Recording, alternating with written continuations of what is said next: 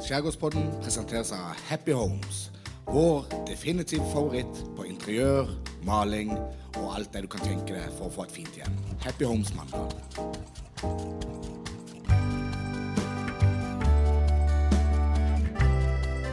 Skjærgårdspodden med Thomsen og Loland. Gode, herlige episode 19. Ja, da er det på han igjen. Ja.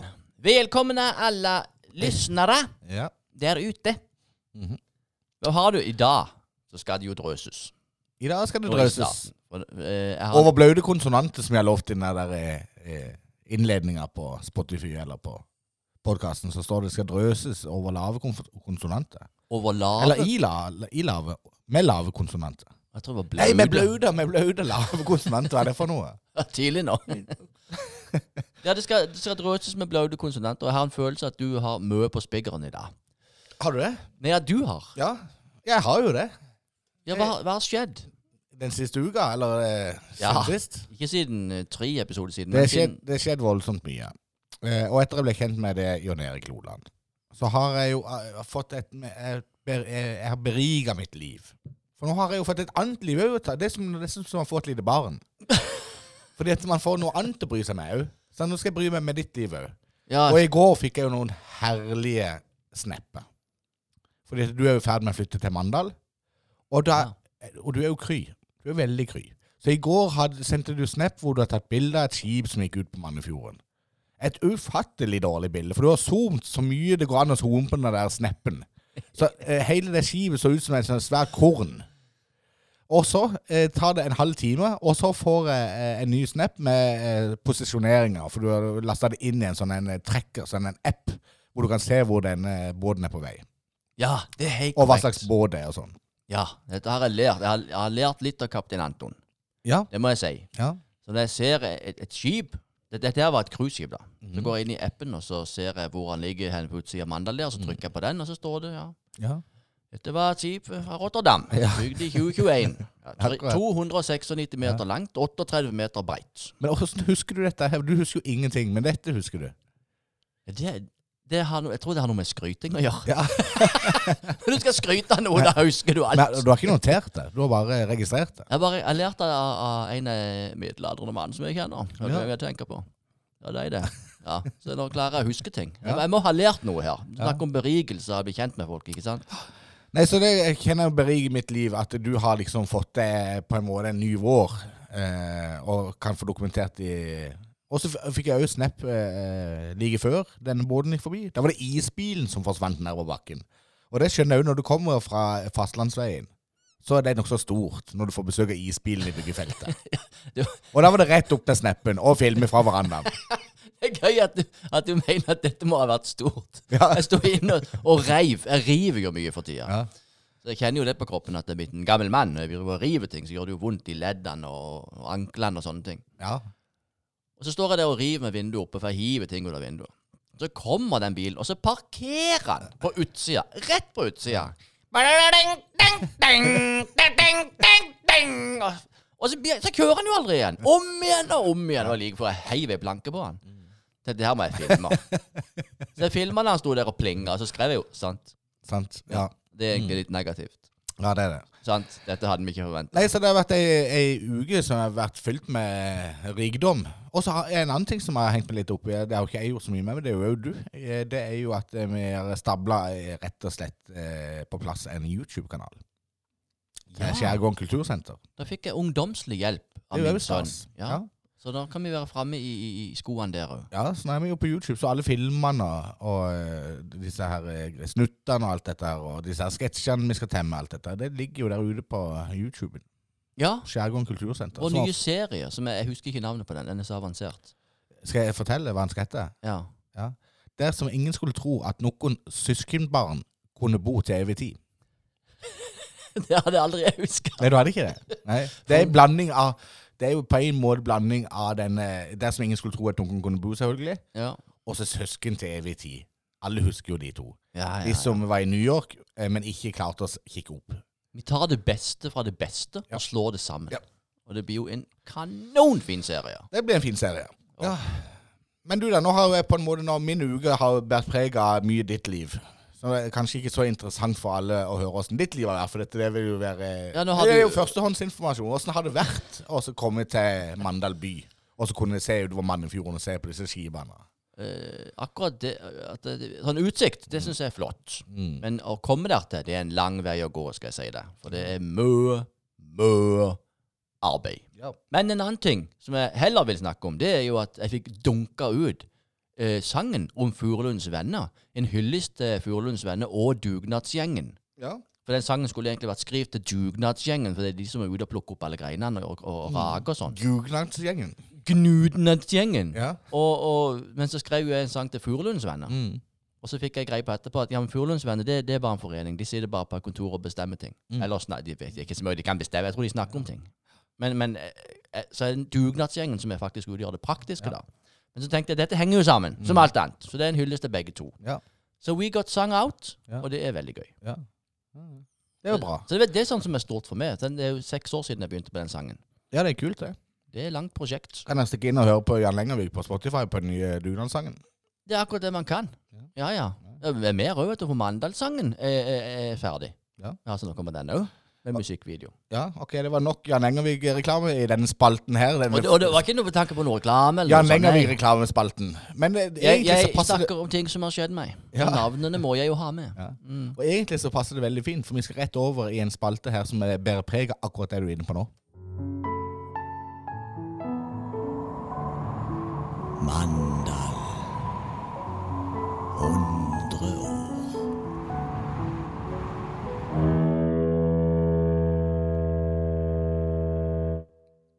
For i dagens historiespalte så skal det faktisk dreie seg noe om musikk. Skal det det, ja? Det vel- og det visste jo ikke du om, så det var en utrolig fin overgang her. Så den lydteknikeren og eh, studioteknikeren eh, malte jo dette sømmende sammen. ja du, altså, du Fra drøs til spalte. Det må jeg jo nevne, for du har- sa jo i en av de fyr, aller første episodene at vi må bli flinkere til å si til folk. Altså være positive og fortelle folk at vi Ja. og, For det er vi dårlige på. Vi tenker kanskje at 'å ja, han var flink', men vi sier det ikke til han. Mm. Men det må jeg si til deg, at den ly, lydteknikeren i det har vokst noe voldsomt. Tusen takk, Lola. Så da må, må, må Lars Erik bare holde seg fast, for nå kommer liksom konkurrenten inn fra sida her.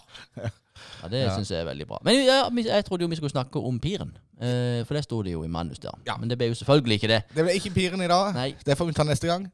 Ja, Eh, fordi at det eh, Vi skal ikke så langt tilbake i tid, men historie er ikke det på en måte det som vi har opplevd. Kan man definere det med noe tid? Altså, En historie i et maurs, arbeidsmaurs liv, den kan jo være nokså eh, annerledes definert enn historien i et menneskes liv. Vi trenger kanskje ikke tilbake 200 år i tid for at det kalles historie. Nei, For ja. i dag skal vi nemlig tilbake til 10. september 2016. Oi, det var en ivrig Ja. twist. Og det er bare seks år. Men det er en viktig del av kanskje ikke Mandels historie og eh, Norges musikkhistorie, men er en viktig del av undertegnedes historie. Eh, og heldigvis Nå har du høyt press på det. Ja, jeg har det. Ja. Og heldigvis så var jeg kommet ut av denne eh, disse 20 årene med depresjon og drit og lort. For hvis ikke jeg hadde det, så hadde jeg nok ikke overlevd 10. september 2016. For det hadde seg nemlig sånn at jeg hadde Sjøboden eh, live scene, og hadde gjort ei booking helt i verdensklassen. Jeg hadde booka selveste Chris Holmes fra Min Maskin. Husker du eh, Chris Holmes? Nei. Nei. Du Eh, var veldig kjent med navnet. Chris Holmes. Ja, ja, ja. Eh, eh, du vet garantert eh, hvem eh, Chris Holmes er. fordi han spilte jo nemlig i et sagnomsust band fra din eh, store glansperiode på 80-tallet. De varma opp for Iron Maiden og mange store band. Du vet fremdeles ikke hvem jeg prater om. Nei. Eh, hvis jeg da gir deg første bokstaven, W, punktum, A Wasp. Yes! Chris Holmes, gri- gitaristen fra Wasp, i sitt nye prosjekt eh, Min Maskin, booka jeg til Sjøboden. Og det var jo veldig kult, så det ble utsolgt i løpet av to timer, tror jeg. Folk kom fra Arendal og Bergen og overalt og skulle høre på Chris Wasp. Jeg visste jo ikke at han var så stor. Så så jeg en film, et filmklipp fra YouTube i forkant. Han var jo steingal. Og det filmklippet det er et veldig kult klipp, faktisk. Men da ligger han i full sånn skinnuniform skinnvest og skinnbukse på en flytemadrass i et basseng hjemme der om bord i California eller hvor det er. henne. mens det ligger en haug med Smirnov-flasker Smirnoff-flaske flytende rundt i bassenget. Og så ligger mora på en sånn solstol og drikker jus. og så er det intervju med Chris Holmes mens han flyter rundt der og leter etter disse flaskene der. Og så spør de ham blant annet eh, om han drikker hele tida, liksom. Og da svarer bare mora for han. Så sier hun ja, kun han er våken. Dette er def definisjonen på å ha lykkes. Ja, det er så mørkt, mørkt og tungt. Men uansett, jeg hadde booka han til sjøboden. Eh, og han, jeg visste at han var blitt streit. Eh, han har jo sittet en haug med år i fengsel, og alt mulig sånn, men han slutta å drikke, slutta med dop og alle disse tingene her. Men han var jo altså blitt helt ekstremt manisk på andre ting. Eh, deriblant å ha kontroll. Eh, så når han kom til sjøboden, så var det jo noe galt med en eneste gang, selvfølgelig. For var, vi hadde lånt en forsterker fra Rune, Fro, Frodesen, en gitarforsterker. En superbra forsterker. Og så var, fant han noe galt med den, og så var det et jækla styr med det. Og så var det Ja, den lydsjekken varte i veldig veldig mange timer. Fire-fem timer. Jeg var helt svett allerede. Og han var veldig amerikansk og veldig brølete. Eh, men så var det greit, så kom han i mål. For han gikk opp og ned i humør hele tida, ser du. Hele tida vandra opp og ned. Alt var greit, og så var alt bare jævlig. Alt var greit, Og så var han jo to meter høy og utrolig brei og svær og langt hår. Og litt sånn skummel av seg. Men så kom vi i mål med den lydsjekken, da. Og så skal han på herr redaktør for å spise middag. Og da har han med seg hele dette bandet, entouraget sitt, og så skal de der for å spise middag, og så følger de bort der. Og så setter de seg ned, og det første han gjør når han eh, kommer inn der, det er at han tenner opp en sånn en eh, el-sigarett, for han har bytta ut sigaretter med vanlig Altså med el-sigarett, Ja, ja. sånn damp. Viping. Ja. Og da kommer det en servitør, og det husker jeg godt var Ida Vikne, som kommer veldig høflig eh, på mandalsk og sier 'jeg må bare beklage', men eh, du kan ikke si det her. Det er ikke lov å si det her i Norge. Og så snur han Chris Holm seg til Ida Vikne, og så ser han på han, og så sier han eh, 'Call the cops'. Call the cops. Call the cops. Og jeg tenkte herregud, skal jeg gå inn her? Så jeg måtte inn og snakke med kona, for kona var med i entourage. Hun hadde litt sånn tak på han. Og så kan du være så grei å si til en mann at han kan ikke det. For det er jo full restaurant her. Det ser helt fjernt. Det er ikke lov, liksom. Ja, hun kunne prøve. Så prøvde hun det, og så brukte hun en halv time på det for å roe ned på det. Så var det greit. Og så kom maten, og han hadde bestilt på vegne av alle sammen. Alle bandene skulle spise det samme som han. Så han hadde bestilt hamburger og pommes frites til absolutt alle sammen. Og så var det en av disse som hadde begynt, en italiener som var eh, trommis. Så hadde han begynt å spise. Så han begynte feil. For jeg lurer på han hadde begynt å spise på pommes fritesen. Og da klikka det for Chris Holmes. Så han slo i bordet, så det singla med glass og alt mulig.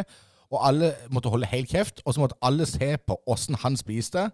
Og så måtte alle gjøre det samme som han. For da skulle han begynne med hamburgeren, og så knuste han den sammen så tøyde dressing ut alle veier, og så trykka han den inn i trynet.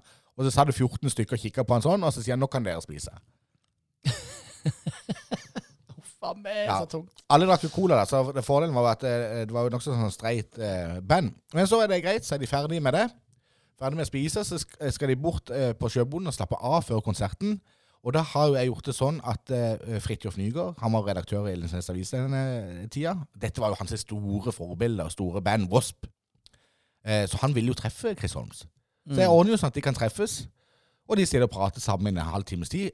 Chris Holmes tror jo at han er med på et intervju i en lokalavis. Og det er han jo ikke, han treffer jo bare en fan. Og da sier jo Fridtjof Nygaard når denne halvtimen er ferdig, at det er utrolig koselig å treffe deg. Han har fått tatt noen selfier og noe sånt. Eh, nå kommer det snart en journalist. og da klikker du for Chris Holmes igjen og lurer på hva slags amatør en idiot er som har satt med, han sammen med denne mannen her som bare var fan, og han trodde han hadde gjort intervju. Han hadde jo kommet med en haug med fine ting. Jeg tror Fridtjof Nygaard var superfornøyd. Men så ordner jo det seg òg, så får han snakke med journalisten, og så sier jeg til Chris Holmes Nå kommer det en fyr fra Lyngdal. Han er kanskje den største Chris Holmes-fan i hele verden. Så han har i mange uker nå så har han forberedt seg til dette her. Han har ikke sovet. Han kommer kjørende i bil. Han er klink edru. Han har kjøpt en sånn en, eh, kopi av den gitar fra 1985 som eh, han kjøpte for mange år siden. Den ville han gjerne ha signert og sånn. Og Chris Holmes syntes jo dette var veldig kult og stas og bla, bla.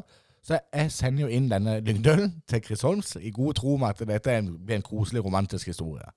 Og Chris Holmes tar han vel imot og signerer gitaren. Og, eh, det vil si, han skriver jo 'fuck off Chris Holmes'. Men det er jo greit nok. Det er jo sånn Chris Holmes var jo sånn. Men så greit, så får Lyngdøl med seg en gitaren på vei ut av sjøboden for å levere den i bilen, og så plutselig går det opp for Chris Holmes. Nei, nå skal jo denne jævelen selge den gitaren på eBay. Fikk han for seg. Så han løp jo etter han ut på parkeringsplassen og stoppa han og skjeller han ut. Fordi at han skal selge den eh, gitaren på eh, eBay, så nå vil han ha betalt for å være signert. Så sier jeg, men slapp nå av, det er jo den største fan, han vil jo aldri gjøre noe sånn. Han er jo bare kjempefan, liksom. Og han sto og brølte på parkeringsplassen der klokka fem på en fredag ettermiddag forbi politikammeret. Det var helt forferdelig.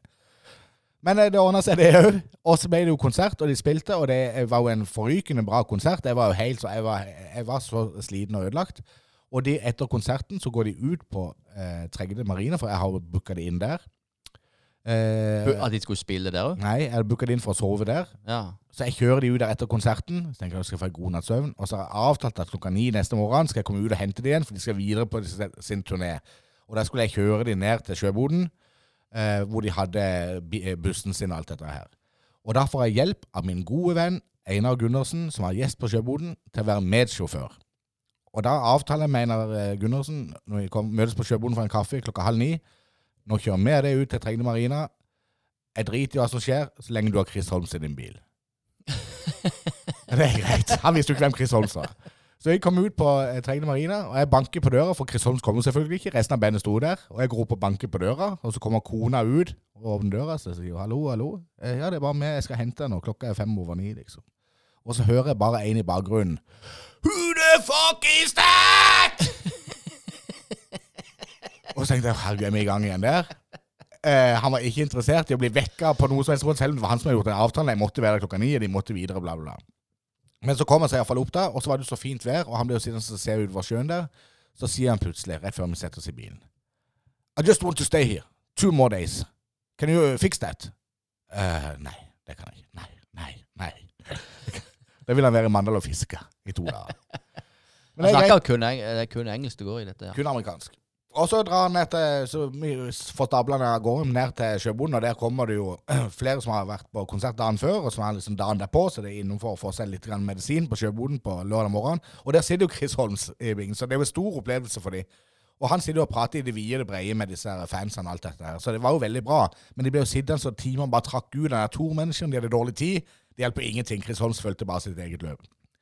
Men da når de endelig sånn i 11-12-tida på formiddagen får stabla seg i denne bussen og kjørt av gårde, så sender jeg melding til denne mennesker. Kan du være så grei, skriv Valand når dere kommer til et skilt som står Valand på, for de skulle østover. Når det står Valand på skiltet, så skriver du Valand, og så sender du den tekstmeldinga til meg. Og så venter jeg og venter og venter, og så plutselig så plinger det inn. Valand. Og det var altså ett døgn i helvete som nå var kommet til ro. Og da drakk jeg, eh, tror jeg, to øl i løpet av ti minutter. Ja, Da kunne du la skuldrene Og senke det var seg deilig. ned. Så det var litt av det.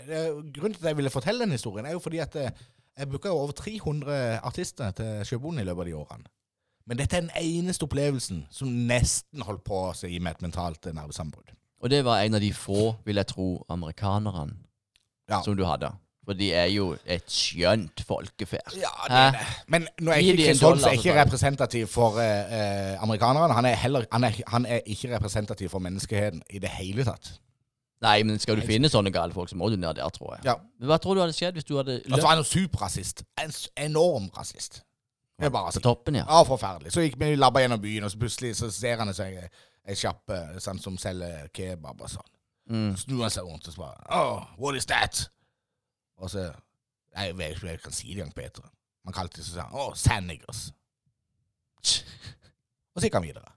At jeg er en forferdelig usosial fyr. At det er mulig. Hva tror, du, hva tror du hadde skjedd hvis du hadde tatt med deg den største karen du kjente, og så gått inn og så brølte han i senga der han lå og sa at det, var, det er din avtale, og du får ikke betalt hvis ikke du kommer deg ut? Nei, Og det verste av alt, det glemte jeg også å si. Når, når jeg hadde spist denne hamburgeren og dette på redaktøren, så tilfeldigvis den dagen der, så, var det liksom, så hadde Mandag Musikkforening sånn oktoberfest i telt ut forbi på Gerd Skares plass. Å ja. Så han ble jo sendt ut, for Ida Vikne hadde sagt han får ikke lov til å vape inne. Så han gikk jo ut for å vape, og så plutselig så hører han noe musikk fra det teltet. Mm. Så da dundrer jo bare hele en mann rett inn i det teltet, hvor det sitter hele Mandag Musikkforening sammen med alle disse her som har kledd seg opp i sånn umpa-utstyr. What is this? Og så rett opp til trommesettet, og så begynner han å hamre løs på de trommene. Det var ingen sosial filter. og jeg bestod, altså, Jeg gikk Jeg tror jeg røykte 29 sigaretter på én time i gågata. Jeg gikk fram og tilbake i gågata og venta til dette, denne seansen var ferdig, før det var i neste seanse. Som jeg visste det ville bli like ille. Så vilt. Men én ting skal han ha. Han er iallfall ikke kjedelig. Definitivt ikke.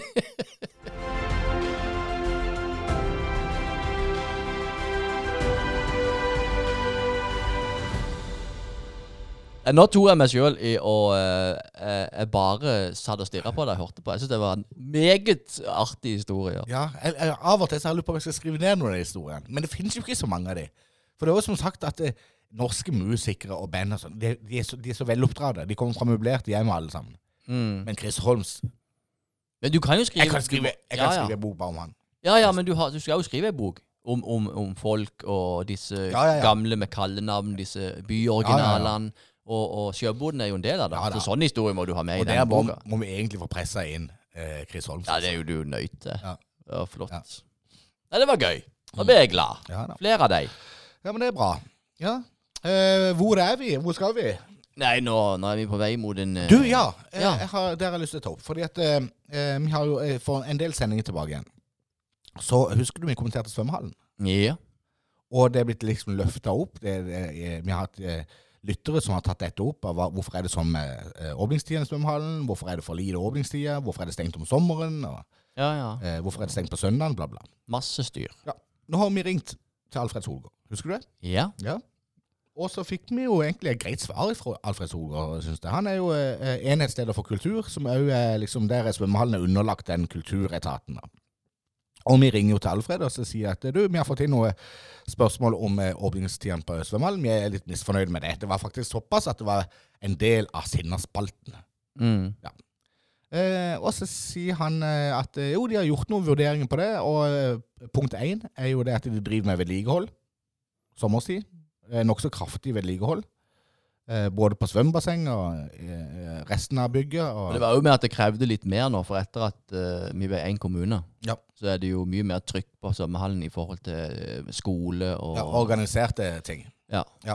men han hadde jo fått tilbakemelding på at flere som organiserte lag og foreninger, svømmeklubben, og de ville bruke dette mer. Eh, så han, han forsto jo absolutt dilemmaet. Eh, og vårt ankepunkt var jo dette med sommeren. Hvorfor finnes det ikke et eneste basseng i Mandal på sommeren? Sommerbyen Mandal, og så er det ikke et basseng. For ikke Mm. alle kan ikke bade i sjøen hele tida. Disse med bitte små b- barn, f.eks. spedbarn, det må være kjempegreier. For mange av de reiser jo til Lyngdal. Altså, Jeg tror badelandet i Lyngdal det går så det suser på sommeren.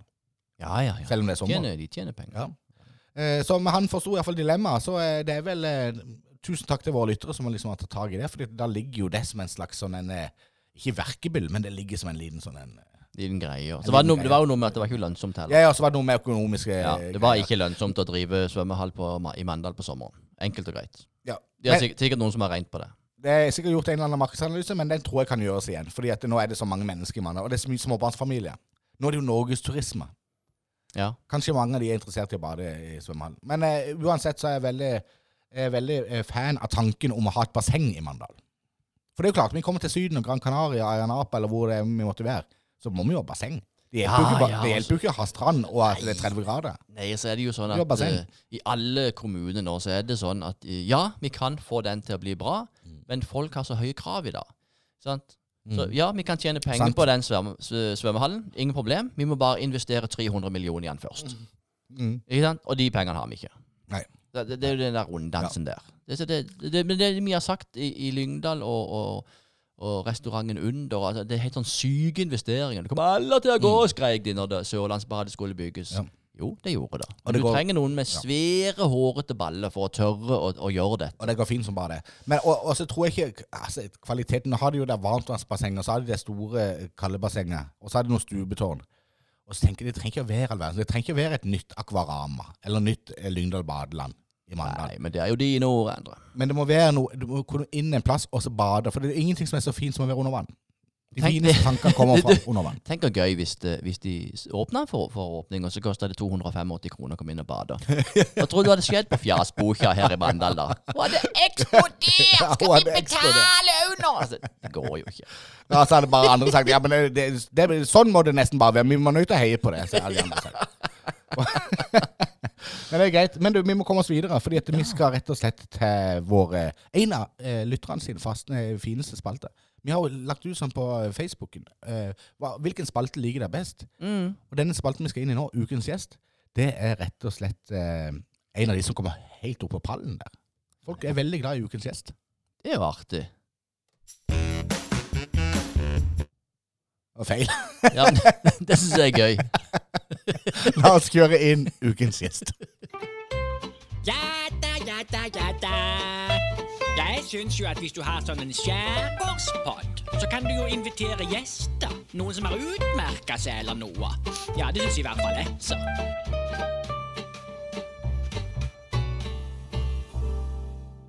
Jeg merker det, Lola, når uh, ukens gjest kommer labbende inn i studio her, at du blir litt sånn starstruck. Ja, vi fort det. I går hadde vi jo besøk av kommende filmstjerne. Eh, Han er jo allerede filmstjerne. Daniel Stisen var innom her for å eh, slå av en prat. Mm. Og da ble du helt, du ble som en sånn jente på 13 år. Løp rundt med kamera og skulle ha selfie. Og det var jo helt sykt. du, du som aldri, og du sier alltid nå må vi huske å ta bilde av gjestene våre. Men det var ikke noe problem i går. Nei, nei, nei. Da måtte, kan, Endre, kan, kan, du ta, kan du ta bilde? Du det, blir- det blir bedre ja, hvis du tar bilde. Jeg sa jo det at dette, jeg, kommer ikke nærmere Sylvester Stallone enn dette. Nei. Det er det nærmeste jeg noen gang kommer til å komme. I og med at uh, Sylvester Stallone hadde sett uh, filmen hans sin.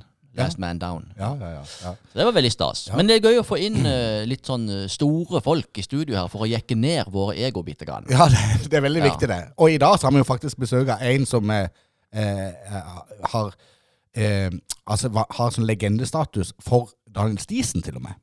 Ja, Ja. Vi prata jo veldig mye om uh, ukens gjest når vi snakka med Daniel Sisen. det gjorde vi òg. Så dette blir gøy. Ja. Skal vi si navnet i kor? Ja, det blir etternavnet. er det ikke det? Jo, vi sier etternavnet i kor. Ja. Så vil jeg bare ønske velkommen til Lars. Klev. Ukens gjest er Lars Klev. Han er junior verdensmester i styrkeløft. Ja, du hørte riktig. Junior verdensmester. Ja da, det er ukens gjest. Ingen ringere enn Lars Klev. Velkommen, Lars. Takk, takk. Ja, nei, Vi innleder jo her med at vi hadde besøk av Daniel Stisen i går. og Det ligger liksom langt framme. Eh, i styrkeløftmiljøet Vi snakka litt om det før vi gikk på her nå, at eh, det, i den tida det er sant, hvis du skulle bli god i noe, sant, så måtte du liksom du måtte kreve din posisjon og kreve din plass og litt sånn. Og Daniel forteller oss jo i går at eh, han så jo ekstremt opp til det. Men han kunne jo fortelle at han hadde har 370 kilo kneløft. Eh, nei, knebøy, er det det heter? Mens Lars Klev har to, 362 kilo. Hold holder pusten tungt. Det er jo dessverre sånn i et sånn styrkeløftmiljø, i et løftermiljø generelt sett, at uh, historiene har en tendens til å udarte seg veldig. Ja. Så kan vi ikke la det stå der. Ja. Jeg er jo en blyg mann fra Sørlandet som Ja. på en måte ikke prøver å fremheve meg noe sjøl. Og, og Daniel Stisen er jo blitt det stikk motsatte når han prøver Han har det. å fremhøye seg i femteperson. Så, så la det stå der. Ja, og, og det er, Jeg kjenner sannheten. ja, Ja. veldig gøy, for det, det han sa, det var at eh, han, han kommer ikke til å like det, og han kommer til og med kanskje til å benekte det. Det, det er så korrekt som det kan få blitt. Det er helt riktig. Nå har jeg jo kjent Daniel siden han krøp i sparkebukse, for å si det sånn. Ja. Så han, han er jo indoktrinert med alle disse historiene. Det, det, det er sånn en kort for min del. Jeg jobba en sommer på, på Rosenberg. Ja. I, I den tida jeg drev og løfta. Det var sommeren 93. Og der bygde vi en eh, Vi bygde en plattform som skulle være en testplattform. Og der må du liksom vente på kran for å få alt i gang. Og vi hadde sittet i noen timer og ventet, for vi skulle montere en, en ventil og noe røyrsnatt. Og så tenkte jeg faen. Så tenkte jeg søren òg, jeg kan ikke sitte og vente på dette her. Så jeg gikk bort og så, så og den veide 140 kilo, denne her greia. Så tenkte jeg til helsike, jeg tok den på skuldra og bar den opp, og vi monterte den. Ja. Det er sannheten. Og, og året etterpå, sommeren etterpå, så var det noen andre borte fra båtservicekontraktning. Og da gikk jo uh, historien om han der gale mannen fra Mandal som løfta den snadden på 250 kilo! 250 kilo, ja. Så det, da var det blitt til det. Så jeg sier god historie, den utvikler seg alltid. Det gjør han. ja, det er jo veldig bra. Men du benekter ikke det, da, at han var 250 kilo? Nei, jeg aldri. Jeg, hå- håper han er blitt 300 kilo nå. Ja. Men i forhold til styrkeløft, så var jo du et ekstremt talent. Og dette, som, og dette har jeg fra sikre kilder. Eh, For Sven Karlsen, Norges sterkeste mann. Verdens sterkeste. Verdens sterkeste mann, og Norges sterkeste mann gjennom alle tider, på en måte. Altså, eh, verdens sterkeste mann flere, flere ganger. Nei, han ble det vel én gang. Det er én gang. Ja. I, i, det er sånn strongman. Det er eh, strongman, Ja. ja. Mm. Han, eh, eh, og han har vært inne i dette miljøet eh, mens han løfta, selvfølgelig, men òg i, et, eh, etterkant. Mm. Han hevda for ikke lenge siden at Lars Klev er det største styrketalentet han noensinne har møtt. Ja, det er koselig å høre. Utfordringa mi har vel alltid vært at jeg, jo en, jeg har jo et dansk blod i meg, og det har gjort meg fryktelig bedagelig. Så Ja. jeg har jo aldri vært noe særlig glad i å trene. Nei. Men jeg har alltid hatt et vanvittig talent for å trene. Så for Ja. meg så var det veldig det kom lett til meg. Ja. Og så hvis jeg, hvis jeg hadde vokst opp nå, hvor, hvor talentet bare tar det til et visst nivå, og kosthold og hvile og all treninga tar det til toppen, så hadde jeg jo vært på sisteplass på poenglista. Ja. Ja, for jeg, nå, nå jeg ser disse som driver med min idrett, styrkeløft nå, de som er på landslaget nå, de ligger gjerne opp til tolv økter i uka. Og jeg lå på det meste i fire. Jeg lå mellom to og fire økter i uka. Og, og allikevel så mente Sven Karlsen Og, det, og, og der snakker vi om Han kjenner jo styrkeløftere fra hele verden. Eh, og han har sett de fleste vokse til. Eh, så det sier jo litt om det talentet du hadde da. Men hvis du hadde da eh, gjort de små ti- Det er jo ikke små ting, men eh, hvis du hadde gjort disse tingene med kosthold og trening og vært disiplinert Hvis du hadde hatt et eh, Vi snakka så vidt om eh, denne vinnerskallen til Daniel Stisen. Hvis du hadde hatt den Ja. tenk, hvor langt kunne du, no- du ha nådd? jeg hadde nok vinnerskallen. Men, men så kom bedageligheten inn. Altså, Ja. som, for jeg, jeg likte å gjøre alle mulige ting. Jeg, før jeg liksom to, hadde det siste året mitt i, i trening, så tok jeg et helt friår og spilte bedriftsfotball og gjorde sånne ting og koste meg ordentlig. Ja. ja. Ja. Og i Det- alt dette her så klarte du å bli verdens, Ja, jeg gjorde det. Verdensmester! Ja, på en måte. Så ble det sånn. måte. Ja, Det er jo sykt. gjorde det. Men Det er så, det. er så lenge siden, og det er rart det der, der for det har hengt med meg hele livet. Så det har både blitt noe positivt og også noe negativt, sånn Mm. sett. For det er jo det alle kjenner meg igjen som. Den der min karriere der. Ja, styrkeløfteren i junior Ja. verdensmesterskapet. Så det er den, hvis, hvis jeg skulle være så uheldig å ta meg en tur på byen, for å si det sånn, Ja. så er det trening. Det er det det går Trening. i. Ja. trening. Ja. Men eh, for vi må snakke bitte grann om det. For du tilhørte jo eh, eh, det, eh, det tradisjonsrike og sagnomsuste eh, Stisen. Roald Skum. Det har vært mange navn. Nå er det Mandal treningssenter. Mm. Men gjengen rundt Roald Stisen. mm. Eh, du er jo mer eller mindre oppdratt på Stisen. Altså, eh, For å si det sånn, i den tida jeg begynte Jeg begynte i midten av 80-årene. Jeg begynte vel å trene der våren 86, før jeg var, rett før jeg var 16 år. Og det er klart, å komme inn der som en, en liten stakkar fra Kigud på landet, ikke sant, og så skal du Miljøet i Mandal har knall, knallsterkt, knalltøft. Å komme inn der og så skal finne sin posisjon Det var bare å brette opp armene og gyve på. For jeg husker den ene gangen satt og trente og var i grunnen fornøyd med meg sjøl, og så kommer det en svær kar bort til meg og sier han, 'Lars, hvor mye veier du?' Så jeg veier 4-95 kilo. Åh, så han pip, pip, pip, pip, pip, pip, pip. Det, det var liksom det en hørte. For det at du, du var under 100 kilo, ikke sant? Så var det hjem til mamma og si 'Mamma, jeg må ha noe mat!' Og så var det å begynne å spise for å tippe 100 kilo. En kunne ikke være i den kategorien. Så det var femivekt Det var under femi- 100. femivekt å veie under 100 kilo i den tida. Det var det. Men det var sånn det var. Du måtte, du måtte inn, og så måtte Hvis du ville være noe Jeg skal ikke si at det var sånn, men du måtte virkelig vise at du ville. Du fikk ingenting gratis. Og det var et knalltøft miljø, og det gjorde jo til at når vi trente, så trente vi knalltøft. Knallhardt. Vi hadde ikke så mye eh, vi, vi lærte oss jo opp. Det er jo tøffere, jo bedre, jo hardere, jo bedre var det. ikke Ja. sant? Så det er klart at du kom hjem, øynene var helt røde, for alle blodkarene var sprengt. og Neseblodet sto ut av nesa i knebbøy, ikke sant? Og noen må eh, Jeg får jo klippe vekk hvis jeg sier for mye, men av og til så måtte du legge toalettpapir i rødskåret, for det, det, det gikk jo galt når du tok nebbøy, ikke sant? Det var, det var, ja, men det var et sånn Nokså ekstremt. Ganske tøft miljø, Ja. og det, det tror jeg bygger seg på at Mandal har opp igjennom alle tidene hatt masse løftere, Mm. og masse gode, masse sterke løftere. Det går helt tilbake til, til Magnus Abrahamsen og Tor, Torvid Eskensens Mm. tid, ikke sant, som hadde et kanonord på seg. Magnus og, og Torvid som løfta europarekorder på oppvisning og alt mulig. Helt fantastisk. Og da er vi tilbake på 70-tallet, ikke sant? Ja, ja, ja. Jeg tror faktisk vi er tilbake Det begynte på 60. 60-tallet. Ja, ja. Jeg tror det ligger faktisk en snutt på YouTube hvor jeg lurer på om det er Kjell Kristian Rike som er i kjelleren til Magnus på Vestnes og intervjuer de, og der er faktisk òg Ivar Johansen som en, liten, som en liten guttunge, 14-15 år gammel, og er i dette miljøet. For du, for du kommer jo inn eh, Du snakker om 5-86, Ja. og da har du altså generasjonen over det på en måte hvor vi snakker eh, Eller en halv generasjon over det, med Roald Stisen, eh, Ivar Johannessen. Ja. Og så har du denne Abrahamsson den før det igjen. Ja, ja, ja. Så, og det var jo eh, eh, Jeg husker når jeg jobba på puben for eh, 20 år siden, så kom det jo folk fra hele Sørlandet liksom, til Mandal, og de hadde få preferanse til Mandal. Men styrkeløftemiljøet, det visste alle om. Alle kjente til det fra 60-70-tallet. Det var et kjempemiljø. Ja. Og det var, det var både for, for menn og for damer. Masse damer som også gjorde det kjempegodt i konkurranser rundt. Vi har masse norgesmestere. Og Anne Aanensen, som er med og familie er vi alltid mobba for, oss, for disse familiekonstellasjonene. Men jeg tror Roald er onkel til henne. Ja. Hun var jo på landslaget og jo vant flere NM og deltok internasjonalt. Og, ja, så det har vært enormt på kvinnesida òg. Det har det vært. Men hvordan, eh, jeg er litt nysgjerrig på hvordan ble du invitert inn i miljøet når du var 16, eller hva fant du på dette sjøl?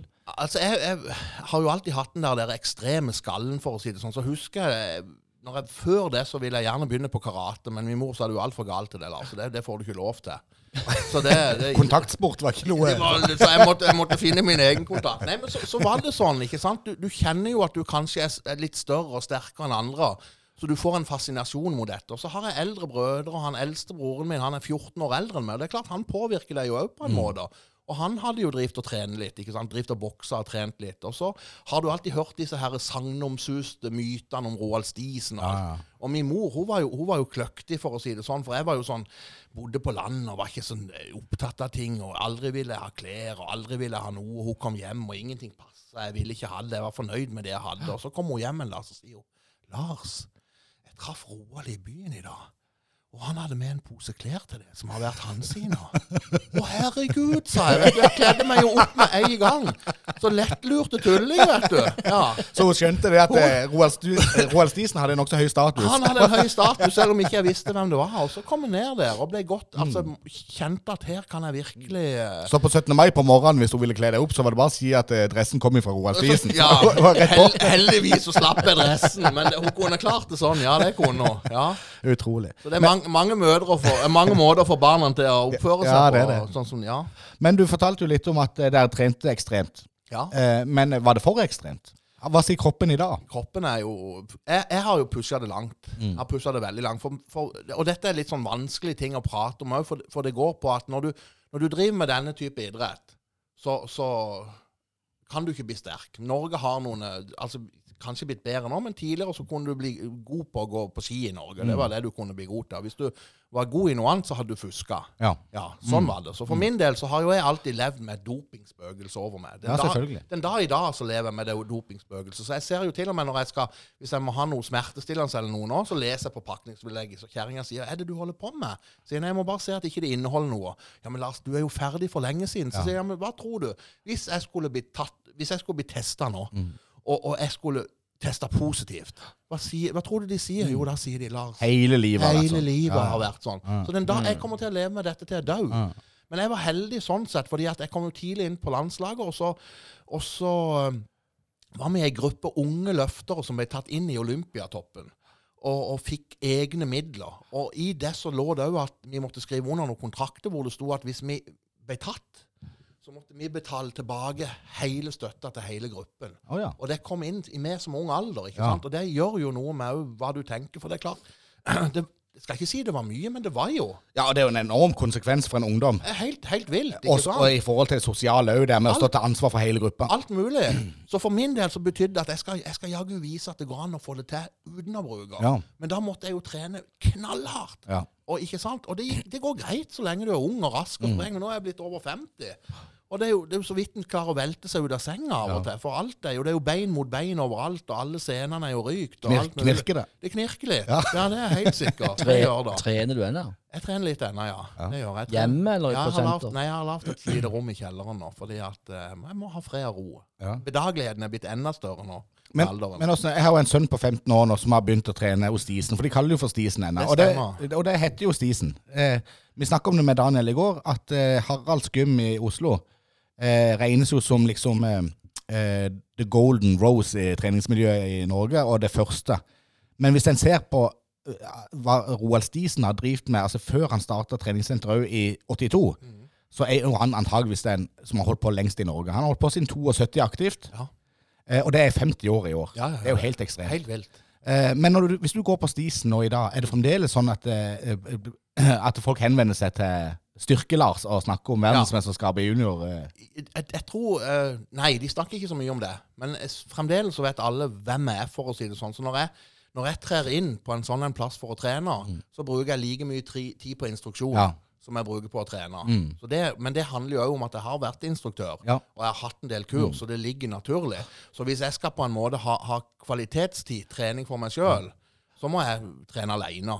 Og jeg må jo bare si, jeg er jo veldig takknemlig for det når det gjelder min sønn, som er 15 og 1,90 og har vokst som ei kule på ett år. Så jeg er jo veldig takknemlig for at han går på stisen. Og hver gang han kommer hjem og forteller at nå har det vært noen eldre som har drevet med styrkeløft tidligere, og hjulpet han og, instruert han, så vi er jo veldig glad for det. For at, Kjempekompetanse på gymmet, for å si det. Sikkert på generelt på de aller fleste gym. Og det er klart at jeg ser for min del, jeg har jo trent litt rundt i Norge i den tida en var aktiv, og etterpå òg. Og det er klart at på Roald så var du, du var bare en del av hele greia. Om jeg, om jeg lå og, trente benk på 200 kilo pluss, så, så går folk forbi og sier 'Å, benk i dag, Lars'. Ja, sier jeg. Og så går de videre. Helt normalt. Det var en dagligdags der nede. Så husker jeg, som sagt, når jeg jobba i Stavanger på, på Rosenberg, og det var mellom EM og VM, så jeg måtte trene. Og da og jeg var ikke så godt kjent i, i Stavanger, så jeg fant et gym og begynte å trene. Og det endte opp med at eh, jeg skulle bare ha ei, ei lett benkøkt, eh, litt over 200 kilo, kjøre noe. Og så endte det opp med repetisjonen på 200 kilo. jo, jo, men så endte det opp med at det sto 20 stykker i ring rundt. Ja. Når, når jeg, så jeg måtte bare pakke bagen og gå. Ja. Altså kontrasten fra, fra det jeg var vant til. Ja, for på stisen så var det helt dagligdags? det dag, for, ikke bare for meg, men det var dagligdags. Altså tunge, sterke folk, sterke løft. Det var helt dagligdags. Så du må, du må mentalt forberede deg på helt andre ting. For det, jeg, jeg tror det er vanskelig å forklare hvor generelt bra det har vært her i Mandal. Det har vært så sinnssykt mye sterke folk. Og det har jo ikke vi tid til i dag, selvfølgelig. Men dette er jo virkelig noe vi skal ta tak i. Så, så vi har satt av egentlig en hel skjærgårdsprat til å eh, få definert eh, eh, styrkemiljøet i Mandal. Gjennom alle år. For dette det er jo, som du sier, det er jo helt enormt. Ja, det er det. Men vi må videre litt, grann, for dette, eh, nå er du jo eh, Du er jo ikke styrkeløfter på heltid. Nei, jeg ikke. Nå er jeg på halvtid, og ikke det engang. Ja. Men hvor er du har ditt daglige virke nå? Nå har jeg mitt daglige virke her i Agder fengsel, avdeling Mandal. Ja. Det har jeg. Så nå er jeg kommet på, på den rette sida av fengselet. Ja. Men er du er, For Du tok det til slutt. på innsida. Men nå er du, du er verksmester i eh, Agder fengsel. Akkurat nå er jeg verksmester der oppe, ja. Det Og, og der, der ligger du jo litt sånn Det må jo passe egentlig din sånn eh, skaperskalle. Eh, skalle, med å få i, i- gang folk og få trent. Og også få, altså, er det noe miljø for trening oppe i fengselet? det er miljø det er, altså Generelt blant de innsatte så er det alltid et godt treningsmiljø. Mm. Men uh, utfordringene i et fengsel er jo at du alltid skal tenke sikkerhet. Ja. Så det å på en måte ha løse vekter og de tingene, Ja. det er ikke lett. Nei. det er det ikke. Nei. Så der, der, der skiller det seg litt ut fra de sløse vektene på stisen, som du kunne slippe i dundre i gulvet. Ja. Så det er sånn apparat hvor du stikker sånn pinne inn i Riktig. Det er sånn, Ja. sånn, Og luft og sånn. Ikke luft, men, men det er ingenting løst, da, for Nei. å si det sånn. Så det er jo det som blir utfordringa. Så du får liksom ikke gjort disse klassiske tingene som knebbøy, benkpress, markløft og dette, som, som er det essensielle oppi alt. da. Men klarer du å få folk hekta på trening som ikke har trent før? heldigvis er det ikke vi som har, har med det å gjøre så mye. De kommer bare til meg når de lurer på noe. Jeg har, jeg har så mye å gjøre, vet du, at jeg har jo ikke tid til det. Nei da. De har, de har vært flinke i fengsel. De har hatt uh, har kontakt med, med Olympiatoppen, uh, Antidoping Norge, og de har hatt noe som heter Rein trening der oppe. Ja, kult. Ja, hvor det har vært uh, to instruktører som har kommet ned og, og holdt foredrag og satt de i gang og lavt treningsprogram i forhold til de uh, treningsapparatene som er. Så det har vært veldig positivt. Og du får, uh, du får en tanke blant de innsatte på at det, det går an å, å trene uten å bruke. For det er klart at for, for, de, for, for veldig mange som kjenner til det, så er det en kort vei til suksess å bruke, for å si det sånn. Men det fører med seg veldig mye, veldig mye annet. Ja, det gjør det. Utrolig, utrolig bra. Eh, sterkt fokus. Altså sånn avslutningsvis nå, fordi at eh, jeg er jo litt nysgjerrig. Eh, for eh, selv om Daniel Stisen lirer av seg noe eventyr og litt sånn, så var han jo mann nok til å si at eh, Altså, benk, eh, benkløft, det gadd han ikke. Han kom, gadd ikke komme inn på det der. Nei. For det, der, der blir han bare smadra. Hvor mye tok du i benk? Jeg altså Igjen så jeg, skal han prøve. jeg har, jeg har, på trening har jeg tatt 270 i benk, da. 270 kilo? Ja, det har jeg. På trening På trening, ja. i konkurranse. Så har jeg vel tatt har jeg tatt der 235, tenker jeg. Men det var når jeg var ung. Så det når jeg tok 270, det var i voksen alder. Det var i, i 40-årene. Det Ja. da. Ja, så jeg, jeg var Og det klarte du uten dorull. uten dorull. Ja, det gjorde jeg. Ja, jeg, jeg, jeg, var faktisk eh, Jeg slutta jo når jeg var 23 og holdt oppe lenge.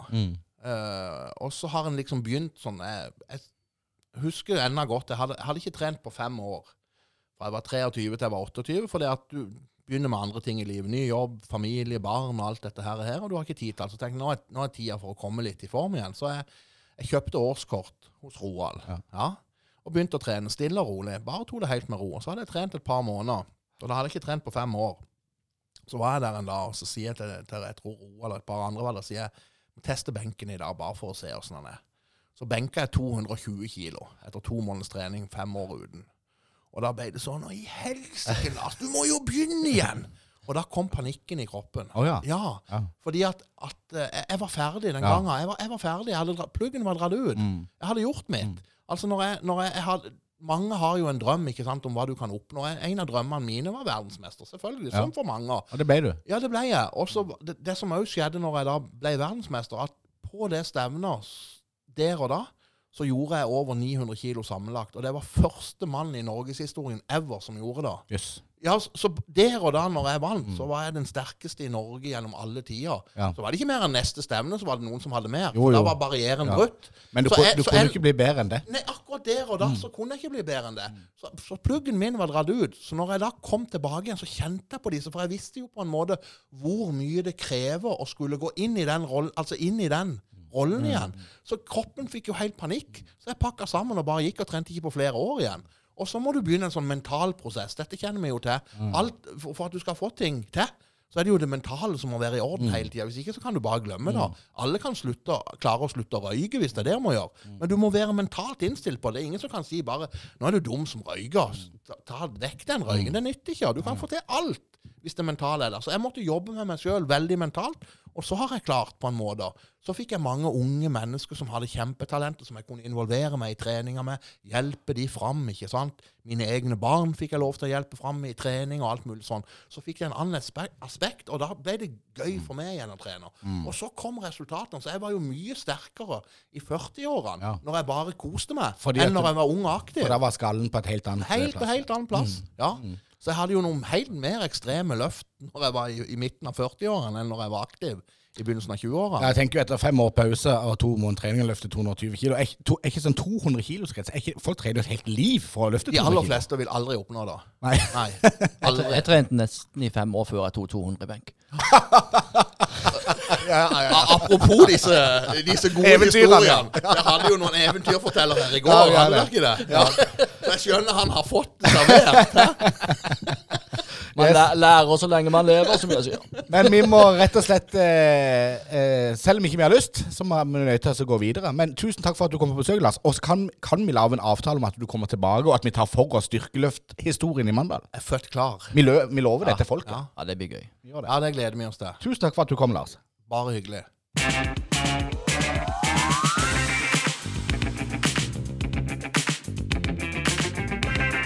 Det var sannelig eh, artig å ha besøk av Lars Klev. Det, det var gøy. Ja. Det var gøy. Og så blir det mer òg. Etter hvert. Jeg, vet, jeg kjenner jo at jeg blir veldig fascinert eh, over det miljøet som de har, den verden de har eh, på en måte vært i. Jeg har ikke vært i den sjøl, så det liksom blir introdusert fra en ny verden. Og jeg skjønner jo at det har vært voldsomt for dem. Kanskje det er bare vi som føler det sånn, men det, det virker som noen miljøer før i tida stakk seg litt ut. At det, kunne, at det var flere sånn byoriginaler, hvis det er lov å kalle det for det. da. At du hadde det miljøet der og miljøet der som alle snakka om, alle visste hvem de var. Og så er det sånn i dag. Eller er det bare vi som ikke får det med meg? Nei, jeg tror ikke det er sånn i dag. For jeg tror eh, 2022 er så prega av krenkelses... Eh, altså, det det er ikke lov å være best. Det er ikke lov å være drøy. Og det er ikke lov å være ekstrem. Altså, Da skal alle mene noe om det. Ja. Og ingen kan være dårlig heller. Nei, ingen, alle skal Nei. være like gode. Ja. Vi skal ha et samfunn hvor alle er dønn like. Men du, jeg har registrert i dag at du er blitt mye høyere den siste uka. Ja. Eh, Eller så har du gjort noe med kroppsholdninger. Kanskje du har blitt, Jeg lurer på om du har blitt så fascinert av besøket av Daniel Stisen og Lars Klev at du nå strammer deg sånn opp i ryggen. Ja, jeg trenger ikke begynne å trene. Jeg fikk bare veldig fram med brystkassa, og så ble jeg litt mer sånn framoverlent. Ja, og du har liksom Nå er det jo vanskelig for lytterne å se det for seg, men jeg kan prøve å beskrive det. Men du har jo justert opp mikrofonen med 20 cm. Ja. Jeg, jeg sitter nå eh, som den eh, lille underdanige jeg er, og kikker opp mot alfahannen. Ja, og så dette her henger jo sammen med at jeg driver og river ut et gammelt hus nå. Skal Mm. fikse det opp. Så jeg løfter jo ut ting nå, vet du. Etter jeg prater med disse guttene der, så løfter jeg løfter det ut. Jeg løfter hver eneste plank som om det er i, i, i jernstang med vekt på hver side. Ikke sant? Jeg ble, jeg ble egentlig nokså forundra forundret over at ikke du kommenterte dette, Lars. For Lars sa at han tok den eh, plata på 140 kilo som ble til 250 kilo på Rosenberg. At ikke du liksom hev deg på det der, for du tok jo ei i går på 295 kilo. Jeg bar ut, Noen river jo ned veggene og tar ut bit for bit. Jeg ber ut hele veggen. Det er herlig. Men du, jeg har en eh, sak som jeg må ta opp. Eh, for dette, vi sitter jo på faste plasser her. Vi er jo nokså sånn eh, Elling-inspirerte. Litt sånn tvangsorienterte. Riktig. Og vi sitter jo på de samme plassene, og du sitter jo nærmest døra, Mm. som vanlig. Ja, Og så er jeg litt bekymra trekken. for trekken. Ja, for det lo vi godt av. Når du fortalte her at det var litt dårlig gjort å sette en gammel mann i trekken. Ja. Så, Og og, jeg, og jeg har tenkt på det, og jeg ikke bare syns det er artig at en gammel mann sitter i trekken, for det er ikke bare bare. For jeg blir faktisk litt bekymra. Oh. Eh, fordi at nå er vi jo eh, kommet til vår. Overgangen mellom eh, vinter og sommer. ja. Og den kan være brutal, altså. I forhold til trekk? I forhold til trekk. At man blir litt lurt. Du har ikke tatt på deg eh, korte buksene ennå, Nei, for det sa men du jeg sitter jo da. i T-skjorte. Du har bare hivt deg inn i, i sommersesongen og går Mm. med kortbukse og, og flippers. Og der er ikke jeg ennå. Jeg trygger meg veldig. Ja, du gjør det. Ja. Men jeg har lyst, for dette er litt bekymra. Det viser jo det bildet som du eh, har lagt ut på Facebook òg. Det sitter i, i, Ja. med ullsokker. Ja. Flott bilde. det. Ja, det er det. Nei, eh, så jeg er faktisk talt litt bekymra for eh, hvor farlig eh, er det for eh, gamle Lolandmann å sitte i trekken. Altså, Hva slags konsekvenser kan dette få? For skjærgårdsbåten, rett og slett. Jeg har tenkt å Helst for det og din familie, nærmeste familie. Du trenger ikke ta dette opp med noe sånn der utdanna legesystem, hvis det er det du tenker på. Det har jeg faktisk nødt til å gjøre. Så jeg skal ringe til doktor Lindland Ja, ikke sant? for å høre. Men Er det alltid vi som må være liksom det, det sykelige vi må ta opp? Nei, men nå er det jo bare sånn at det faller seg naturlig. At det, det er du. Ja, god dagen, doktor Lindland. Er du i bil? Jeg er kjørt i bil nå, ja. Hei det. Ja, ja, men det går fint. Vi hører det. Ja, det er godt. Det må selvfølgelig bli dårlig dekning, så får jeg heller prøve å finne på noe. Ja, men det går bra, det. Du, jeg har en sak som jeg må ta opp med deg. For jeg har, eh, vi sitter jo på faste plasser her i studio, og så sitter jo eh, gamle Lolandmann veldig nær døra. Eh, og så har vi jo kommentert tidligere at han er veldig sårbar i forhold til trekk. Og nå begynner han å bli en gammel mann òg. Eh, og det som bekymrer meg, er rett og slett For jeg har jo ledd litt av det. At han begynner å bli gammel og begynner å bli sensitiv for trekk. Men er det farlig? Altså, kan han dø av den trekken han får her på Skjærgårdspodden? For jeg orker ikke å forholde meg til et dødsfall. Men du føler at det ville vært litt i overkant? Det ville vært i overkant, ja. Ja. Nei, altså det er klart Du skal svare på en spørsmålet spørsmål konkret etter hvert, men det er klart vi må jo først ta stilling til ikke sant, For å si om noen kan dø av noe, så må vi vite er, et trekk farlig, da. Um, så Det er to eh, ting vi må inn på det. Det ene er jo det medisinsk-faglige, og så er det jo en sånn uh, kulturell, historisk uh, ting rundt dette med trekk. ja.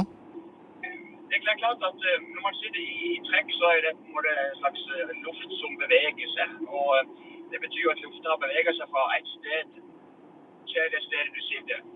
Og det er klart, hvis den trekken kommer fra et sted der det er mye virus eller bakterier, sånn, hvis det trekker fra f.eks. et toalett, da, eh, så, så, klart, så drar det med seg en del som kan gjøre at du blir, blir syk. Nå trodde jeg du skulle si at hvis den, for eksempel, den trekken kommer fra Kina, men eh, det gjør det enda mer lokalt hvis den kommer fra toalettet med bakterier. Ja, vi kan selvfølgelig. En, en, en trekk fra Kina vil tatt veldig lang tid. Jeg er ikke sikker på om er lov til å si dette heller, ennå, egentlig. Men så, så vi velger dette, kan vi ikke det? Jo, da, det er helt i orden. Ja, ja. Eh, altså, jeg er åpen for eh, refleksjon, men det kan sette i gang en kaskade som kanskje ikke du har lyst til å stå i, tenker jeg, hvis vi tar eh, de eh, Du vet, folk står på og hører oss. Men eh, det andre er jo det at når du på en trekk så er jo den ofte kald. altså Når du sitter i en sånn slags på sommeren du kjenner og det var en god bris, ikke sant? Bris er assosiert med en varm, varm bil eller en varm trekk, ikke vel? Ja. Så den kalde trekken ikke liker. Og det, kan- det jo at du, når du blir kald, så, så strammer du reflektorisk, eh, altså automatisk, da muskler. Og det gjør jo at du, du kjenner da ubehag, eh, smerte. Det gjør jo kanskje at du puster litt mer overfladisk og får ikke tømt ut den, den luften som du skulle. Og da, du da må du ha fått et godt drag inn med bakterier og virus som da ikke du får puste ut, de får liksom lov til å ligge og godgjøre seg i, i, eh, nede i lungene der, så, det klart, så, så kan du lettere bli, bli syk. Ok, men da er jo egentlig Loland utenfor fare. For hvis Loland da fortsetter den frekvensen på flatulens, samtidig som han sitter i trekk, eh, så gjør han seg mindre sårbar. Det er det du sier? Ja, det er sant. eh, Samtidig, hvis han befinner seg i en slags trekk som da resirkulerer flatulensen sin, så vil han jo både inhalere den gjentatte ganger, og da vil bakteriene kunne utvikle seg til noen sånn superbakterie som blir farligere. Så det er litt, litt eh, både òg der, altså. Ja. Men jeg har vurdert noen ganger om vi skal rett og slett bytte plass. eh, Og så har jeg ikke kommet til det punktet hvor jeg har eh, spurt han om det ennå. For jeg mistenker jo at han liksom skal ivareta den der alfahann-dominansen. med at han liksom skal, han skal trosse eh, denne livsfarlige trekken.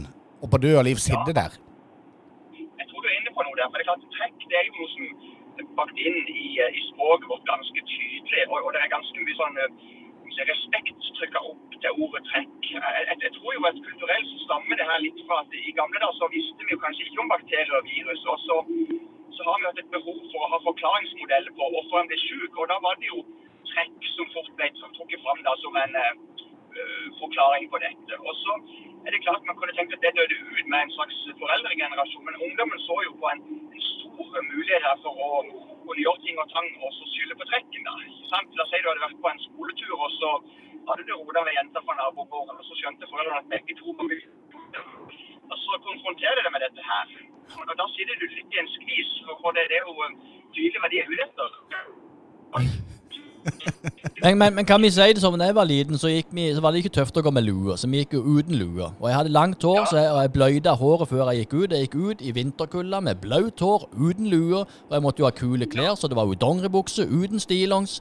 Vi ble aldri, vi ble aldri sjuke. Men mødrene i dag er jo livredde for at ungene stikker hodet ut av døra uten eh, dress på dress og lue på lue.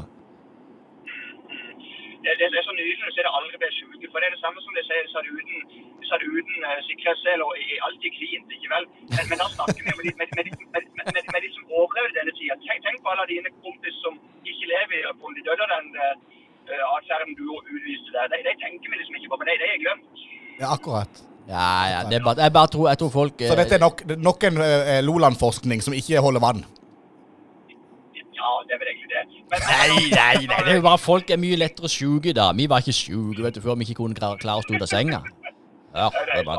Men kan vi, kan, men kan vi konkludere med at ikke, han, han er ikke i akutt livsfare? Vi kan det. og så jeg har tenkt på det spørsmålet til hvorfor sitter han der og skal det bytte plass. Så punkt 1, han er ikke akutt livsfare. Og hvorfor sitter han der? Det kan jeg tenke, som du sier, det kan være den alfaen-mentaliteten. At han skal utvise styrke, at han tør å leve farlig. Altså, han, han skal sitte der, ikke sant? Det er så Rambo.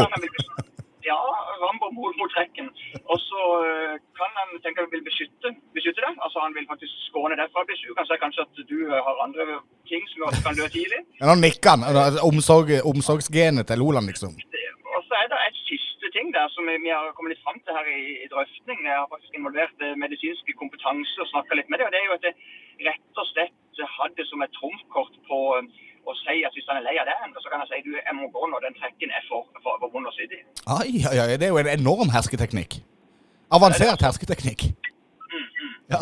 Men ut ifra meg sjøl så sitter jeg her fordi jeg er keivhendt. så det enkle er ofte det beste. Ja, så har vi snakka masse om det, så er det sannheten. Men jeg kunne spurt han men han kan ha sagt det er keifen. Ferdig snakka. Ja, ja, ferdig snakka. Nei, men tusen takk, doktor Lindland, for at du tok deg tid. Var hyggelig. Ha en fin dag med og uten trekk. Tikk takk, takk, tikk takk i like måte. Ha det. ha det. Ha det. Ja, men da konkluderer vi med deg, Loland. Du er utenfor livsfare. Du er utenfor akutt livsfare, enn så lenge. Det var jo enda godt. Ja. Det bildet jeg hadde i hodet mitt eh, i det, under denne samtalen med Lindland, det var at han, jeg så for meg at han gikk over Grønland på ski. Ja, Og så tok han denne samtalen mens han gikk der, ja, ja. og sa at trekk er ikke farlig. Men det som er han egentlig, han er på vei til et hjemmebesøk oppe i Marendal som fastlege. Ja. Det er ikke like eksotisk. Nei.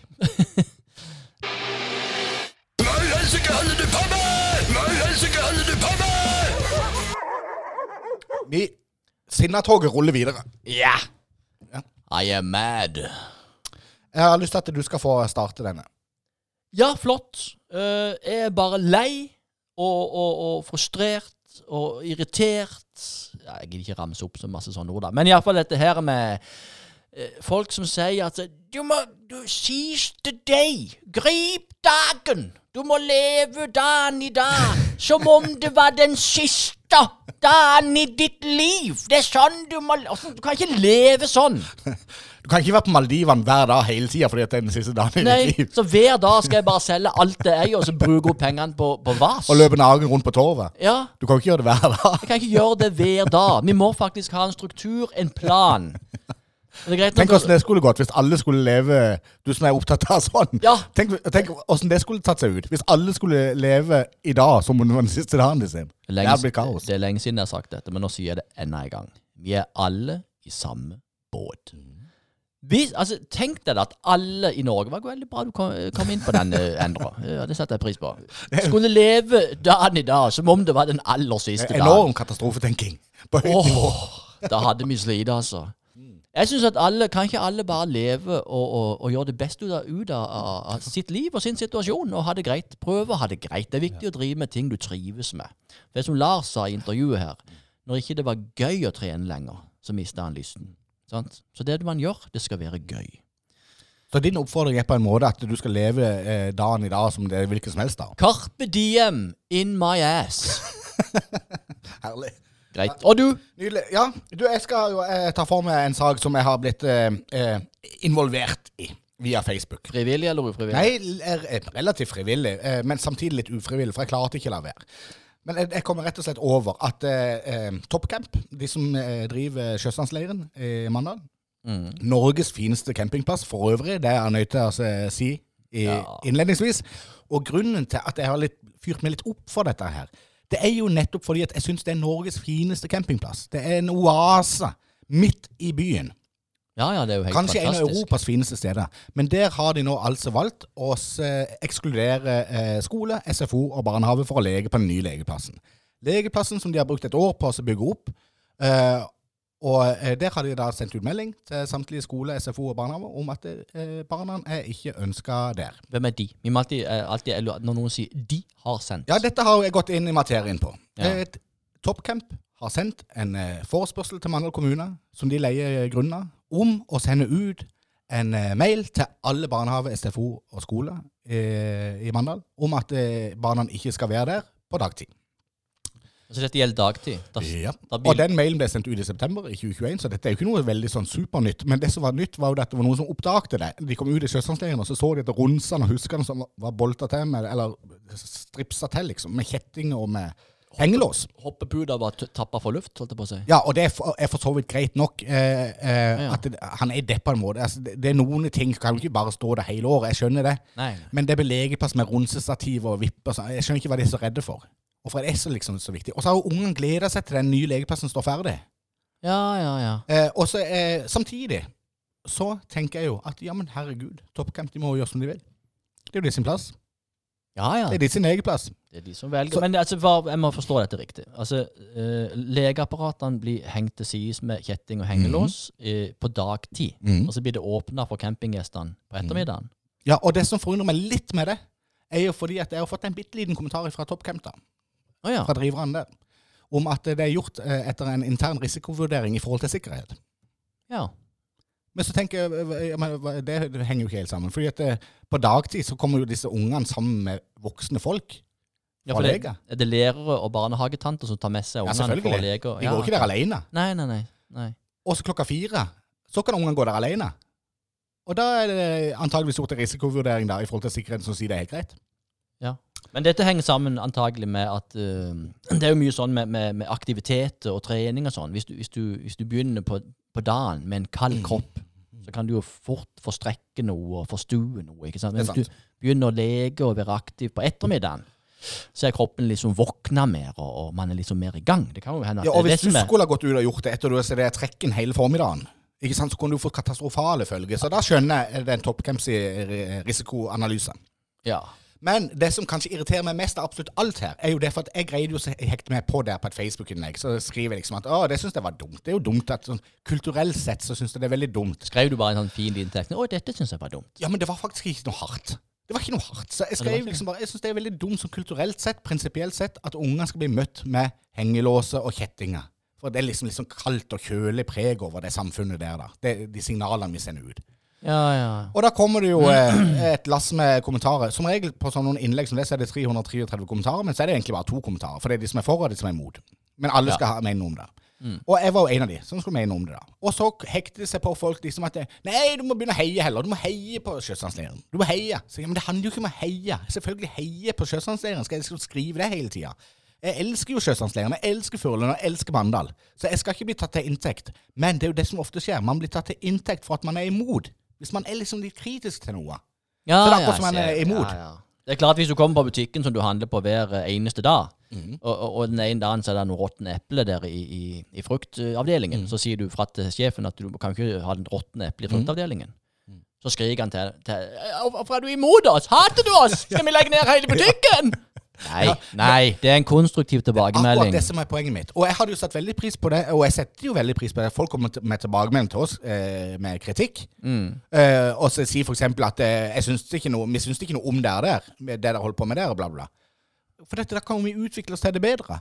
Det er jo helt supert. Nettopp. Folk gjør det jo fordi at de ønsker å ha en god utvikling. Og jeg ønsker å kommentere at jeg syns det er litt dumt at de eh, låser fast legeapparatene for ungene. Fordi at eh, jeg syns ungene skal liksom få lov til å glede seg til å benytte seg av det fineste området i hele Mandal. Ja, så ble jeg litt rørt når de ungene sto der. Det var jo en seks-syv unge som sto og grein. På Da si- var det, det gjorde de ikke. på sida av apparatene, for de fikk, kom ikke til. De hadde så lyst til å runse. Ja. Ja. Så hadde de ikke noen plass å gå til heller, for foreldrene var Og det er ikke så alvorlig. Det er ikke så alvorlig. Og Toppcamp de må gjøre som de vil. Det, Ja. hvis, de vil eh, hvis de vil låse av, så låser de av. Men eh, dette er egentlig litt sånn anmodning om bare å låse opp. Det er ikke så farlig. Det er ikke så farlig om det går noe i stykker. Bare fikse det opp igjen. Og så eh, Jeg tror forresten de skal sette hengelås på den skateparken òg nå, på dagtid. Ja. Europas største hengelås. De holder på å bygge den i Litauen nå. De, eh, de har bygd en egen fabrikk for å bygge Han er så lang. Men eh, den største oppfordringen går egentlig til alle disse her eh, idiotene på Facebook som mener at man er for eller mot med en gang man har en mening. Det er ikke så eksistensielt, og det er ikke så viktig. Og det handler ikke om heiing eller buing. Det handler bare om at jeg vil at Sjøsandsleiren skal være finest mulig for absolutt flest mulig hele tida. Det er en god ting. Så da eh, Fikk vi det ut! fikk vi det ut. Ja!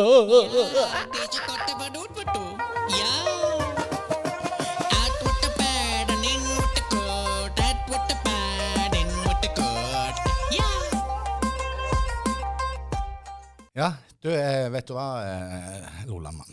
Nei. Jeg, har jo, eh, jeg sitter jo og følger litt med på disse her eh, eh, podkastepisodene våre. Gjør du det? Ja. Ja, Sånn at du hører på Nei, det? det gjør jeg ikke. Nei. Jeg har ikke hørt på en eneste en ennå. Men jeg følger jo med på liksom hvor uh, mange som blir spilt, og hvor de blir avspilt, og litt sånn. og Det er nokså interessant. Det er det. Fordi at uh, stadig vekk så tikker det jo inn meldinger fra lyttere. uh, gjerne på Snap og på Facebook og sånn. At ja, nå ligger jeg på stranda på Gran Canaria hører på Skjærgårdspodden. Nå er ja, Vi har Ja, ja. en, lokfører. Han kjører tog. Og Ja. tok bilder og kjørte over i Telemark der med solnedgang og hørte på Skjærgårdspodden. En eh, lastebilsjåfør som var over Jæren hørte på Skjærgårdsbåten. Så han blir lytta til rundt forbi, men ikke bare i Norge. Rundt forbi hele verden. Og hvis det er greit for deg, Loland, så skal jeg nå eh, liste opp eh, landene hvor eh, Skjærgårdsbåten er hørt. Oi. Og dette er jo med klar oppfordring eh, til eh, folk om å, når de er ute og reiser, veldig kult at de hører litt på Skjærgårdsbåten og melder ifra. Ja. De trenger nesten ikke melde ifra, for det blir jo registrert. Det blir registrert, men det er gøy med et bilde Det er veldig gøy. fra en eller annen kjent merkeplass i verden. Det er Og så, ja. Vi tar vare på det. Men eh, Skjærgårdspodden er hørt i Norge, selvsagt. Han er hørt i United Kingdom. Mm. Han er hørt i Danmark. Eh, det er sikkert mange som sitter på ferjeleie i Hirsals. Sitter og venter, så hører de på Skjærgårdsboden. Han er hørt i Nederland.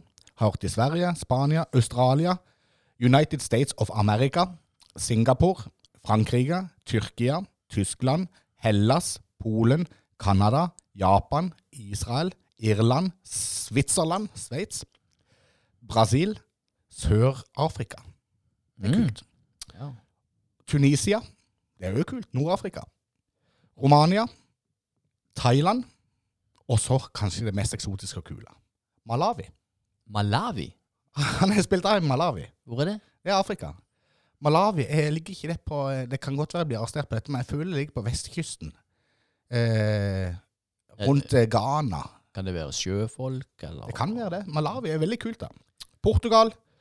Og så Arabiske Emirater. Jeg trodde jo nesten, eh, jeg trodde nesten internett var ulovlig. Jeg trodde vi var bannlyst der. Ja, vi er blitt nok. Men inntil videre så er det 1 avspilling i De arabiske emirater. Det er veldig kult. Og så har vi hørt i Italia, Serbia og på Kypros. Det var ikke måte på. Nei. Nå er vi, eh, vi er snart ut fra jordkloden, på en måte, og hører om det ut, ut, univers, un- universitetet, som noen sa før. Altså, Er ikke det litt grann kult? det er veldig gøy. Veldig gøy folk Men, men, men send gjerne inn bilde, da. Det er enda gøyere. Mm. Og dette er egentlig en fin, nok en gang, veldig fin overgang til den neste spalten, som for øvrig er flunk brennende ny. En verdenshistorie eh, skal skrives. Ja. En premiere Det er på en helt premiere. ny spalte. Er det? Og den kommer utenfra og inn, for Den å si det mildt. virkelig utenfra inn. Ja.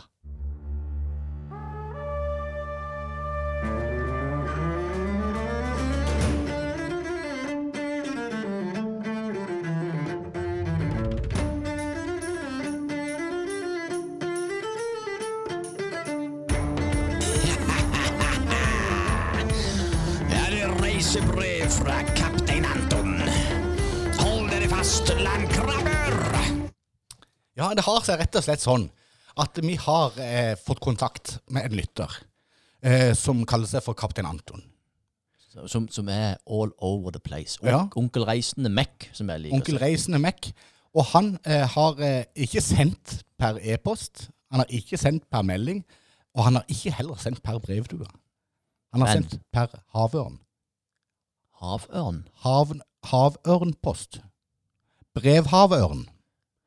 Vi har fått brev fra havørna. Det tok lang tid før jeg kunne ta dette innover, innover meg. Ja, men sant, ikke i brevdua, som mange ville valgt. Fysisk reisebrev. Et fysisk reisebrev som ble dumpa ned på Skjærgården kultursenter av ei havørn. Det er jo helt Det er veldig kult. Dette må bli den nye Kaptein Sabeltann-verden. Uh, ikke langt unna. Ja. Så jeg har veldig lyst til å lese det. Og dette har ikke du. Du har ikke lest dette brevet? Jeg har ikke, ikke dette, sett brevet. Dette kommer dumpende inn til morgenen, og jeg tenkte vi må bare få etablert denne spalten i lynets hastighet. Ja, jeg er spent. Ja. Vet, hvor kommer brevet fra? Skal du høre? Ja.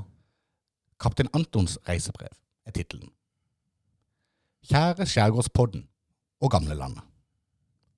Under mine seilinger på de ni hav har jeg via EHF-en fått inn noen grumsete signaler fra denne skjærgårdspodden.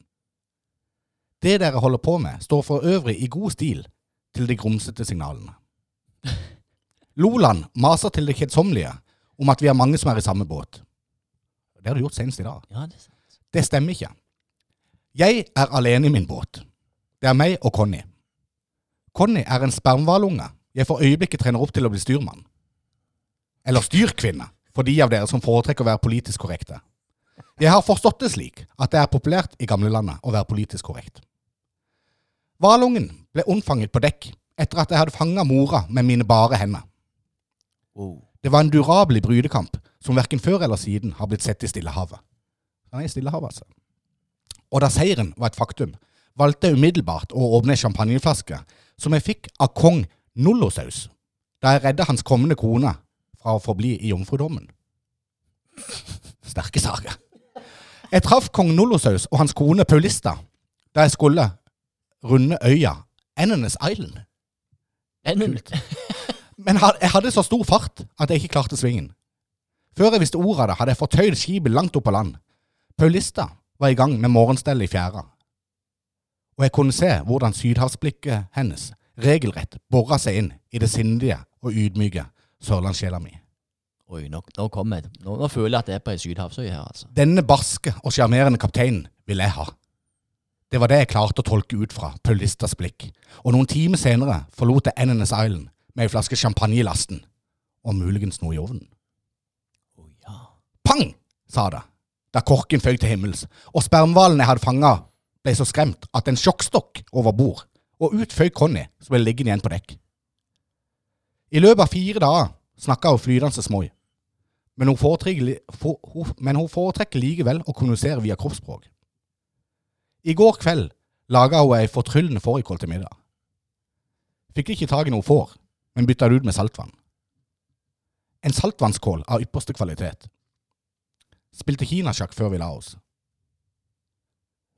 Loland, vi er ikke samme båt. Ingen, ingen med store bokstaver er i samme båt som kaptein Anton. Med unntak av Conny, da. Nå går turen videre i søken etter nye hav og havner. Hils gamlelandet, kaptein Anton. Se, Har du sett? Det var, det var sterke ord for pengene. Sterk kost. Interessant fyr, den kaptein Anton. Om han taler i, i eh, Hva heter det for noe? Sånn der uh, Lignelser. Eller det må man jo bare lure på. Ja, ja. Nå, kjenner jeg all, eh, nå er jeg veldig nysgjerrig på denne kaptein Anton. Jeg har lyst til å finne ut mer om han. Neste havn, neste øy, hva skjer? Vi får bare vente og se.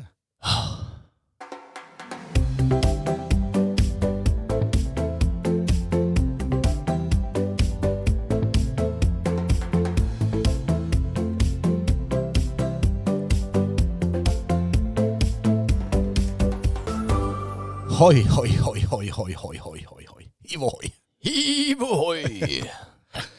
Ja, nå håper jeg ikke eh, Terje Formoe sitter og hører på, for da tenker jeg at da eh, skal du ikke se vekk fra at kaptein Anton må slutte i Stillehavet og begynne å seile i Skjuttaviga istedenfor. Ja, det skal jeg ikke se bort ifra.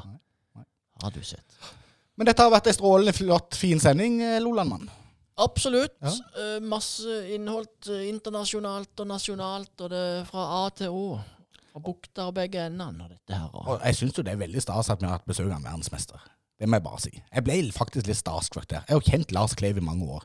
Og selv om han sier at de fleste på styrkerom og sånn, de kjenner han igjen som styrkeløfteren Lars, så har jeg liksom kjent han på helt andre områder. Så når han liksom forteller om eh, at han ble verdensmester som junior, og møtte en, eh, en mann Det fortalte han jo etterpå. Han han, han, han slo. Han, var han veide 206 kilo. Ja, var 196 cm høy. Ja. Og han tok han. Han tok han faktisk Ja. i VM. Ja. Og da slo treneren Lars på ryggen og sa 'Lars, du er verdensmester!' Det var sterk kost. Jeg gleder meg virkelig til den skjærgårdspraten vi skal ha om styrkemiljøet i mandag. Det blir veldig gøy. Ja, hva tenker du videre? Hva skal du videre på din ferd? Nei, nå skal, kaptein Thomsen. nå skal vi Nå skal vi og gamle Lolandvann eh, ut og nyte sola. Det oppfordrer vi absolutt alle andre til å gjøre. Men ta med deg skjærgårdsbåten på ørene. Vi skal ut og lage film. Vi skal lage nok en eh, skjærgårdsvandring som Ja, dere kan finne på Uh, Ikke bare på Facebook, men på YouTube-kanalen vår, Skjærgården kultursenter. Vi begynner å favne bredt, for vi er ikke bare her på deres ører. Vi kan være på deres øyne. På Ja. både Facebook og på YouTube. Og se filmer fra lokalsamfunnet. Så jeg vil bare eh, avslutte med å oppfordre folk til å Skal vi se, det var feil. det var en fin avslutningslåt, det, for all del. Eh, jeg vil oppfordre samtlige eh, lyttere til å stikke innom YouTube-kanalen vår. Og der kan de abonnere, tror jeg. Jeg tror de kan trykke på en knapp hvor de følger med. Ja, Så får de varsel om at nå har vi lagt ut noe nytt. Der ligger jo alle skjærgårdsvandringene. det gjør det. Du finner de på YouTube. Kan du se de på smart-TV-en? Bare trykk inn på YouTube, og så får de på storskjerm. 2022, altså. 2022. Vi er i framtiden, Thomsen! Vi er i framtiden! Fantastisk. Tusen takk for at dere fulgte med. Skjærgårdsbåten skal nå lyve. Så jo da, ja vel. Ja, det var sånn det ble. For Loland lurer på så mye. Og endre Thomsen viser vei. Så ja da, jo da, men allikevel. Nei da, så vi må, vi må labbe hjem nå, for vi skal hete. Neste gang skal vi ha alt på stell. Og vi håper du ønsker å være til stede.